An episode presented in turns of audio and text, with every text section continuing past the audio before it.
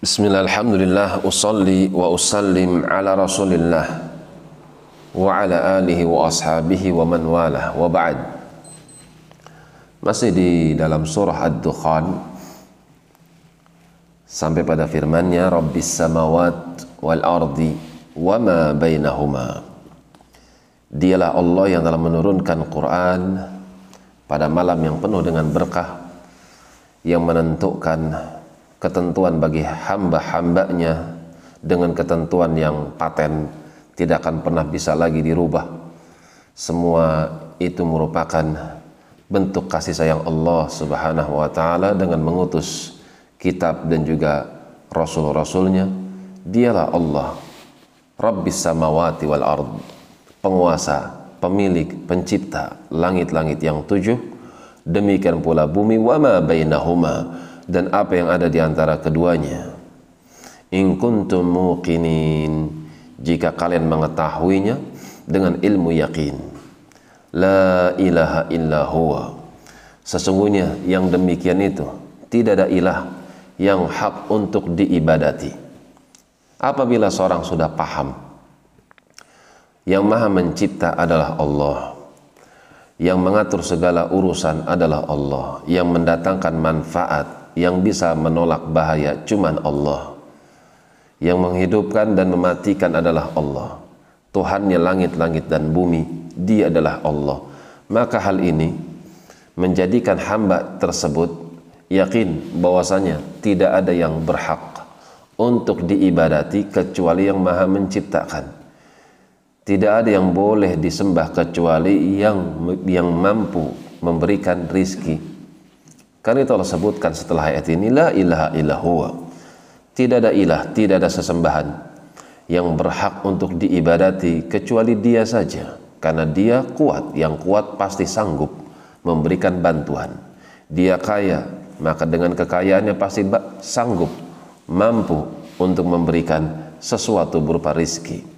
Yuhyi wa yumit di antara kemampuan dia, dia menciptakan dan dia juga yang mematikan Rabbukum wa Rabbu abaikum. Dialah Tuhan kalian. Dia pencipta kalian, pemberi rizki kalian. Wa Rabbu abaikumul awwalin. Dia juga pencipta bapak-bapak kalian yang terdahulu. Balhum fi syakki yal'abun. Akan tetapi mereka orang-orang musyrik fi syakkin. Justru mereka berada di atas keraguan mereka meragukan, meragukan kemampuan Allah untuk menghidupkan sesuatu yang mati. Yal'abun karena itu tidaklah datang ayat-ayat Allah yang berisikan tentang adanya kehidupan setelah kematian kecuali yal'abun mereka bersendak gurau. Mereka jadikan neraka sebagai bahan candaan, mereka jadikan apa yang Allah janjikan dari surga bidadari mereka jadikan sebagai olok-olok sesuatu hal yang seolah-olah fiktif. Yal'abun mereka jadikan sebagai bahan main-main. Fartaqib.